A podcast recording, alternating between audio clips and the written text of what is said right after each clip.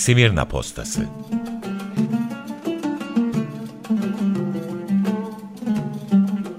Unutturulan şehirden haberler ve insan hikayeleri.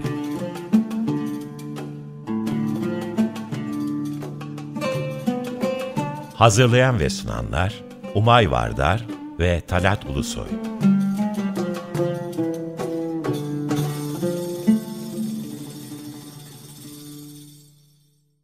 Merhaba sevgili Açık Radyo dinleyenleri. Merhaba Talat abi. Merhaba Umay. Ee, Emre Erol tekrar konuğumuz. Çünkü e, Foça ile ilgili konuşacaklarımız bitmedi. Kitabı e, daha genel geçer bir yerden baktık. Şimdi e, Foça'nın daha içine girmek istiyoruz. Ben hemen bir soru sorabilirim başlarken. E, şunu merak ettim. İzmir'le Foça'daki demografik dağılım ya da yaşam tarzları birbirine benziyor muydu ya da İzmir'le Foça arasında bir iletişim var mıydı? İzmir'le Foça arasında tabii ki de bir iletişim var. Ee, İzmir e, ait olduğu idari yapının en büyük e, liman kenti ve o yönüyle vilayetin geri kalanıyla e, ekonomik ilişkileri olan, önemli ekonomik ilişkileri olan bir yer. İzmir'in zenginlerinin bir kısmının biliyorsunuz Foça dahil yani o zamanki adıyla Foça Teyn yani iki Foçalar eski ve yeni Foça'nın ait olduğu kaza ve başka yerlerde mülkleri, ticari girişimleri vesaire var. Yani bu haliyle İzmir ile Foça arasında bir bağlantı var. Demografik olarak Foça ile ilgili detaylar için okuyucuyu kitaba davet edeceğim ama kısa özet şu. Aslında 19. yüzyılın başına geldiğimiz zaman Foça uzunca bir süre belli bir demografik tavanı diyelim bir e, seviyeyi kırmamış olan bir kasaba. Kitapta tartışıyorum gene önemli bir ticari fonksiyonu var. Modern öncesi yani 1750 öncesi dönem Osmanlı ekonomisinde de çok önemli rolleri var Foça'nın. Mesela değirmen taşı olsun, şap madenleri olsun vesaire. Ama esas olarak 19. yüzyılda 1820'lerden sonra e, demografi çok hızlı değişecek. Klasik olarak demo, demografiye bakacak olursak Defteri Hakani'ye kadar geri gittiğimizde e, Müslüman hane sayısının e, gayrimüslim hane sayısından bir tık daha fazla olduğu ve hane sayısını belli bir kat sayıyla çarparsak 19. yüzyıl başında yaklaşık 5000-6000 arası bir nüfusa sahip bir e, kazadan bahsediyoruz. Fakat daha sonra bu 1820'den 1914'e kadar 100 yıldan kısa bir sürede 23-24 bin mertebesine çıkacak ondan sonra ve Müslümanların bir nebze daha kalabalık olduğu bir kazadan toplam nüfusun üçte ikisinin gayrimüslimler tarafından, gayrimüslimlerin oluşturduğu bir e, kazaya dönüşecek. Bu demografik dönüşümün temel etkisi, temel nedeni ekonomik büyüme. E, ben hep bunu e, konuşmalarda bu şekilde örnek vermeye çalışıyorum. Kitapta da bu basit dille anlatmaya çalışıyorum. Bugün mesela Türkiye'de Marmara bölgesi ya da yaz aylarında turizmin yoğun olduğu Antalya gibi bölgeler göç çeker. Neden göç çeker? Ee, özellikle bekar bir erkekseniz işte aile kurmak, evlenmek istiyorsanız geleceğe yatırım yapmak için ekonominin iyi olduğu yere gidip orada çalışmak, para biriktirmek ve geleceğinize yatırım yapmak istersiniz. Gideceğiniz yeri büyük ihtimal sizden önce oraya giden akrabanızdan duyarsınız. Bekar bir erkek olarak çalışmaya gittiğinizde kendinizden önce oraya giden bir akrabanız varsa onun tavsiyeleriyle gidersiniz. Ekonomide buna path dependency deniyor. Yani kendisinden önce denenmiş yolu denemesi e, kişinin. Koça'da tam böyle bir durum var. 19. yüzyılın ikinci yarısında özellikle kronik işsizlik yaşandığını bildiğimiz Ege'deki adalarda para kazanmak isteyen bekar erkekler aynı ülkenin içerisinde hatırlayalım. O zaman e, Batı Anadolu ve Ege adaları hala Osmanlı coğrafyasının bir parçası. İş imkanlarının daha fazla olduğu Batı Anadolu kıyılarına gidiyorlar. Foça böyle bir yer. Foça'da ekonomik dönüşümün birçok etkisi var ama bir tanesi diğerlerine göre çok çok önde. Tuz sanayi.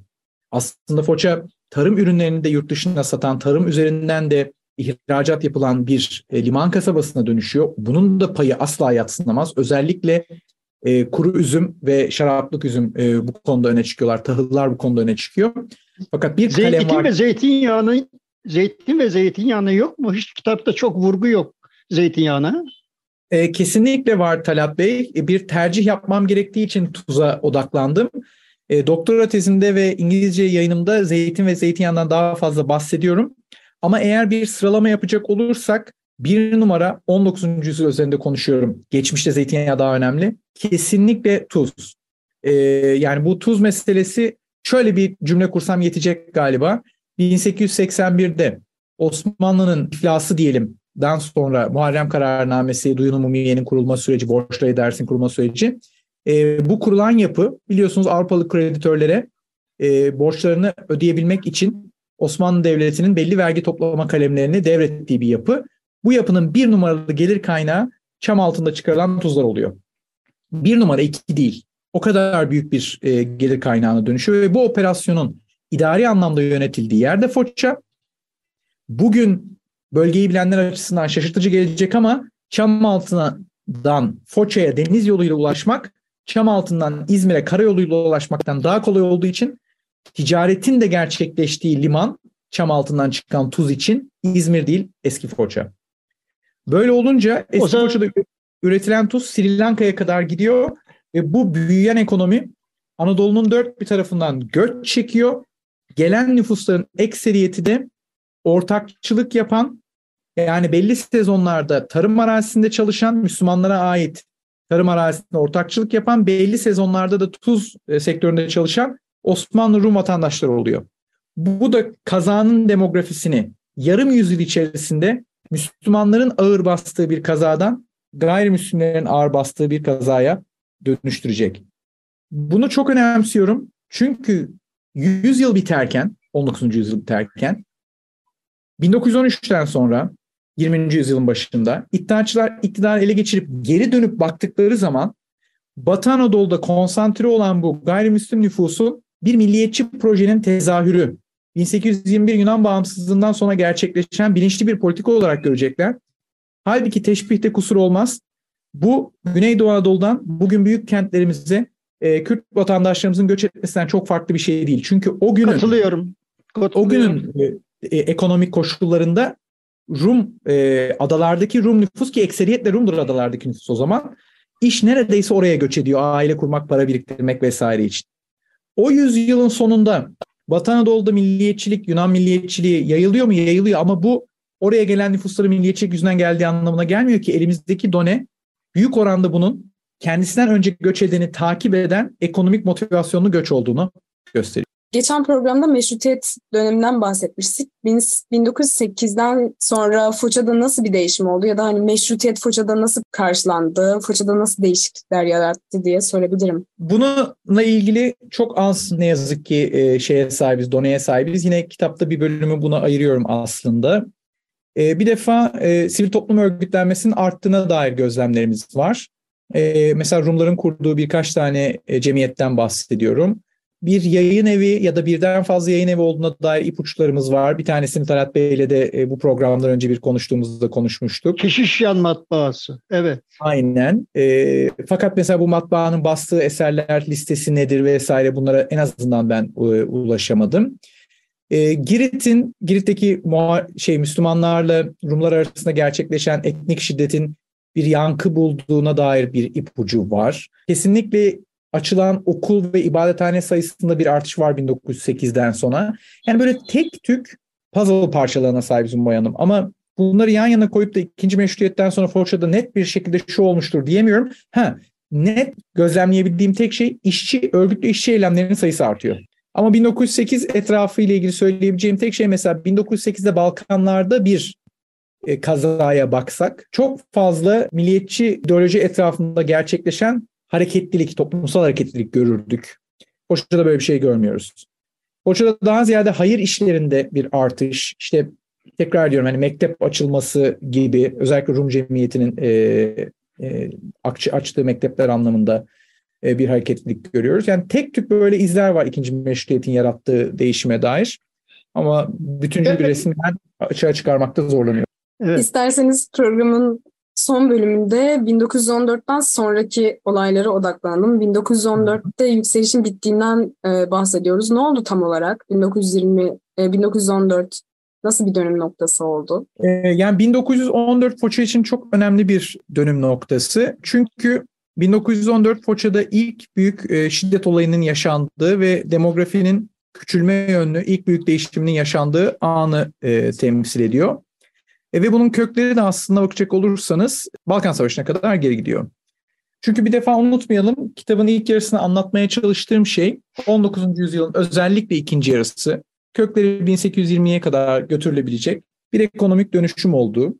Bu dönüşümün ana motorlarından bir tanesinin tuz sanayi olduğu ve üretilen tuzun ekseriyetinin de dünya piyasalarına satıldığıydı. Bir emtianın dünya piyasalarına satılması için deniz aşırı ticaretin faal olması lazım. E, takdir edileceği üzere savaş çıktığı zaman bu koşul e, ortadan kalkmış oluyor. Çünkü Balkan savaşlarının ciddi bir kısmı deniz savaşlarına oluşuyor. İki tane Balkan savaşı var. Dolayısıyla 1912-13'te Foça'da gerçekleşen ticaret zaten sekteye uğrayacak. E, dolayısıyla bir anlamda ekonomik büyüme bir e, boşa düşüyor diyebiliriz savaş başlar başlamaz. Fakat işin devamı var. 1914 e, Haziran'ında e, benim daha önce de e, bir e, şey yazıda e, Foça'nın Kara Haziranı, toplumsal tarihte Foça'nın Kara Haziranı olarak e, isimlendirdiğim bir e, olay yaşanıyor. E, bu çok detaylı yani e, tabiri mazur görün adeta bir dedektiflik dedektif titizliğiyle ortaya koymaya çalıştığım bir şey. Olaya her yanından bakmaya çalıştığım bir şey. Ama bu program açısından kısaca söylemek gerekirse hali hazırda Atina'da Galip Kemali Söylemezoğlu'nun temsiliyetiyle e, Balkan Savaşı'nın muzaffer tarafında yer alan Yunanistan Krallığı ile Osmanlı İmparatorluğu arasında bir nüfus müzakeresi devam ediyor. E, bu nüfus müzakeresi devam ederken 1913'te iki Balkan Savaşı arasında iktidarı bir darbe yoluyla ele geçirmiş olan İttihat ve Terakki Partisi e, Balkanlardan kovulan e, Müslümanları çeşitli sebepler bunu uzun uzun tartışıyorum neden böyle bir şey yapmış olunabilir diye. Balkan Savaşı ile hiçbir ilgisi olmayan Batı Anadolu'daki çeşitli gayrimüslim nüfus gruplarını özellikle Rumları yerinden ederek bu muhacirleri burada yerleştirmeye çalışıyorlar. E, bu zorunlu göç, insanları zorla yerinden etme e, faaliyetinin en şiddetli olaylarından biri Foça'da yaşanıyor. Öyle ki o zaman Osmanlı Meclisi'nde tartışma konusu oluyor. O meclis tartışmalarına da giriyorum kitapta. E, ve yaklaşık bir hafta gibi bir süreçte e, şu oluyor. 23 bin küsür nüfusun içerisinde yaklaşık 15 bin küsür e, Osmanlı Rum vatandaşı nereden geldiği anlaşılmayan, kesinlikle kazanın dışından gelmiş olan, aralarında bir miktar muhacir olduğu da anlaşılan ve kolluk kuvvetlerinin hiçbir suretle engelleme çabasına girmediği çeteler tarafından Foça kazasının tamamından gün be gün çeşitli köy ve kasabalardan en son Foça'ya itilmek suretiyle Foça'dan da kaçabilenlerin deniz vasıtalarıyla kaçması suretiyle kovuluyorlar. Dolayısıyla büyük dönüşümün ilk e, işaret fişeği 1914'te bu zorunlu göçle e, atılmış oluyor. Dolayısıyla böyle bir durumla karşı karşıyayız 1914 için. Fakat e, acı olan şu ki bu tek e, şiddet olayı e, değil Foça'da şiddet, yıkım, savaş odaklı büyük dönüşümün yaşandı. 1914'ten sonra Cihan Harbi yaşanacak. Cihan Harbi sırasında e, bombardıman operasyonları yüzünden yıkım yaşayacak Foça. Daha sonra Yunan işgali e, yaşanacak. Yunan işgalinde kovulan Rumların yerine yerleştirilmiş olan muhacirler kaçacaklar, kovulacaklar. Ee, orada tekrar bir şiddet olayı yaşanacak. Daha sonra 1919-22 Türk-Yunan Savaşı, Kurtuluş Savaşı, e, katastrof nasıl adlandırmak istersek bu süreçte e, Türk birliklerinin e, Foça'yı tekrar kontrol etmesiyle bir posta daha şiddet olayı yaşanacak. Tekrar yeniden edilen insanlar olacak falan. Dolayısıyla 1914 daha sonra Cihan Harbi bombardımanları, daha sonra e, Yunan ordusunun gelişi, daha sonra Foça'nın kurtuluşu diyelim. E, bütün bu süreç ardışık yıkımlar geçirecek ve bu olaylar aslında sebep sonuç ilişkisi olarak da birbiriyle iç içe geçen olaylar. E, yani 1914'te gerçekleşen e, Rumların kovulması meselesi de benim altını çizmek istediğim ve kitapta uzun uzun tartıştığım birkaç mesele var. Bir tanesi genel okuyucu açısından e, Osmanlı'nın son döneminde yaşanan şiddet olayları bir savaş döneminin sonucu olarak görülüyor. Şimdi bunda kısmen haklılık payı var, kısmen değil. Bir defa şunun hakkını vermemiz lazım. Bugün literatürde, uluslararası literatürde Cihan Harbi ya da Birinci Dünya Savaşı 1914'te başlayıp 1918'de biten bir olgudan ötesi. Bu konuda çok güzel çalışmalar var. Öyle görünüyor ki İster Kore tarihine bakın, ister İrlanda tarihine bakın, ister Fransa ve kolonilerinin tarihine bakın, ister Osmanlı tarihine bakın. Her ülkede farklı farklı olmak üzere 1914'ten önce başlamış, 18'den sonra biten bir iç içe geçmiş savaşlar meselesi söz konusu. Osmanlı evet. özelinde 1911 İtalyan-Osmanlı Savaşı, Tripolitanya Savaşı da denir, ile başlayan Daha sonra Balkan Savaşları, Cihan Harbi ve 1919-22 Savaşı ile devam eden bir savaşlar silsilesi var. Ha diyeceksiniz bunların bazıları üst üste örtüşüyor, bazılarının arasında barış dönemi var. Böyle diyenlere demek isterim ki o barış dönemi olarak tanımladığımız dönemlerde fiilen barış var mıydı? Yoksa imparatorlukta ve çevresinde milliyetçi rekabet, e, toplum içi şiddet devam ediyor muydu? Yakından bakmak lazım derim. Literatürün geri kalanında mesela İrlanda'ya bakarken böyle yapar. E, o zaman görüyoruz ki neredeyse 11 yıllık kesintisiz bir savaş dönemi var. Dolayısıyla bir yorumla e, 1914'te Foça'da Cihan Harbi'nden önce bir barış döneminde yaşanan bir e, kovuşturma söz konusu. Fakat genel çerçeve bir savaş hali gibi denebilir. Ama öte yandan şunu unutmamamız lazım. Eski Foça hiçbir zaman Balkan Savaşları'nın parçası değildi. Eski Foça'da yaşayan Rumların Balkan Savaşları'nda yaşananlarla hiçbir direkt alakası yoktu.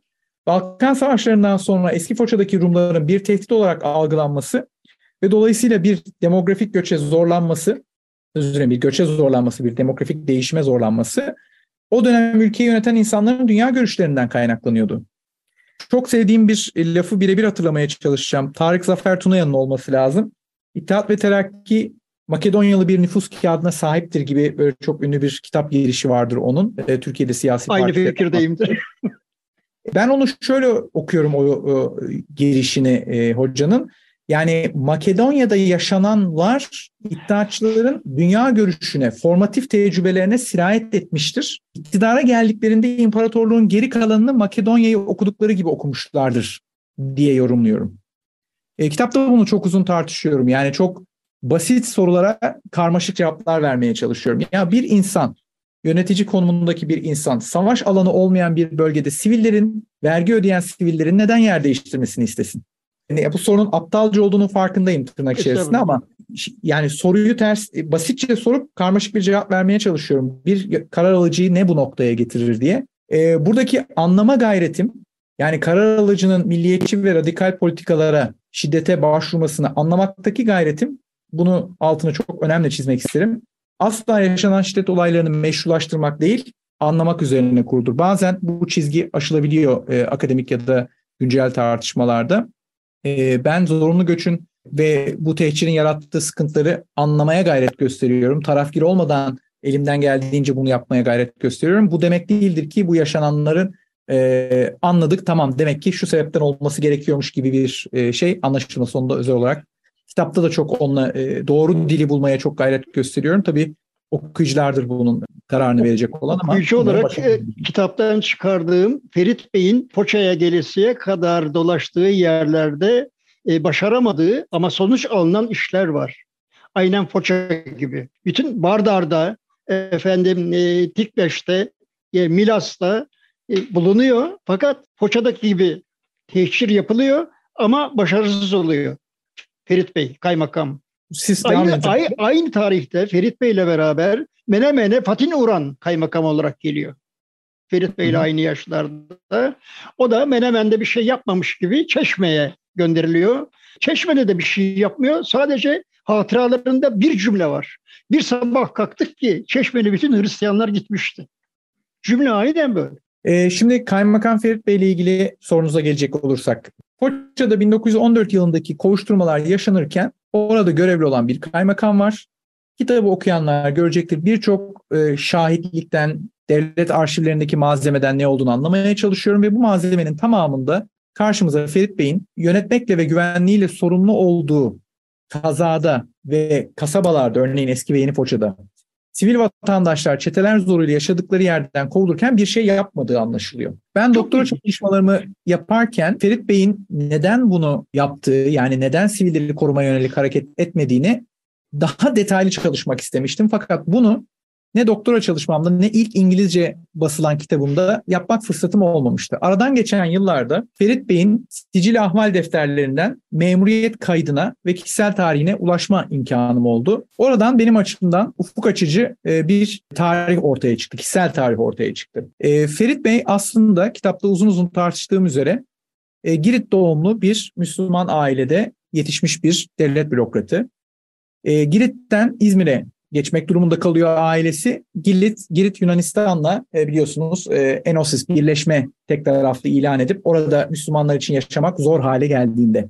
İzmir'e gittiğinde muhacirlerin imparatorluğun kaybedilen yerlerinden Aydın vilayetine yerleştirilmesi sırasında kurulan komisyonda görev alıyor. Başarılı olduğunu sicilinden anlıyoruz. Aldığı ödüllerden, takdirlerden anlıyoruz. Bir süre sonra Balkanlara yollanıyor görev için. Balkanlara yollandığı görev süresi boyunca birçok çete ile kolluk kuvvetleriyle beraber mücadele etmek durumunda kalıyor.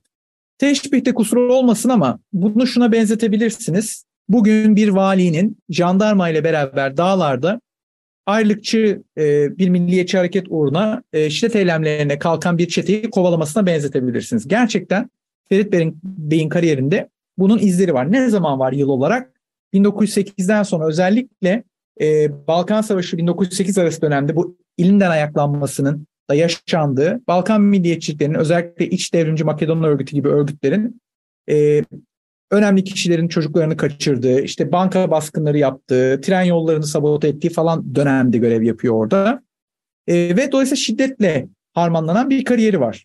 Ayrılıkçı milliyetçi hareketlere karşı, şiddete karşı şiddet kullanılan bir coğrafyada görev veriyor. Yetmezmiş gibi şeye gelmeden, eski Foça'ya gelmeden, yani Foça'nın kazasına kaymakam olarak atanmadan önce Ferit Bey Milas'ta, Milas'tan önce de en son görev yeri Balkanlarda Tikveş. Tikveş'te görevliyken Balkan Savaşı kaybedilecek. Sırp ordusu Tikveş'e girecek. Kendisi kaymakam makamındayken Tikveş düşecek ve kaymakamlık makamında işkenceye uğrayacak. İşkenceye uğradığı hem Osmanlı arşivlerinde hem de uluslararası gözlemcilerden oluşan Carnegie Report'ta sabit. Bu kişi görevden ayrılmak isteyecek. Ayrılmak istediğine dair devletle yazışacak.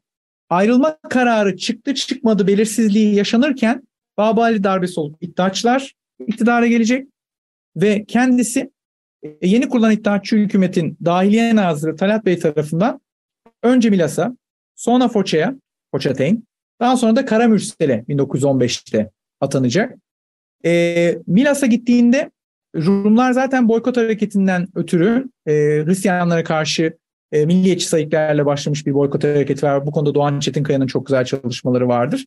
Zaten Milas'ta bir takım sıkıntılar yaşanıyor gayrimüslimler açısından.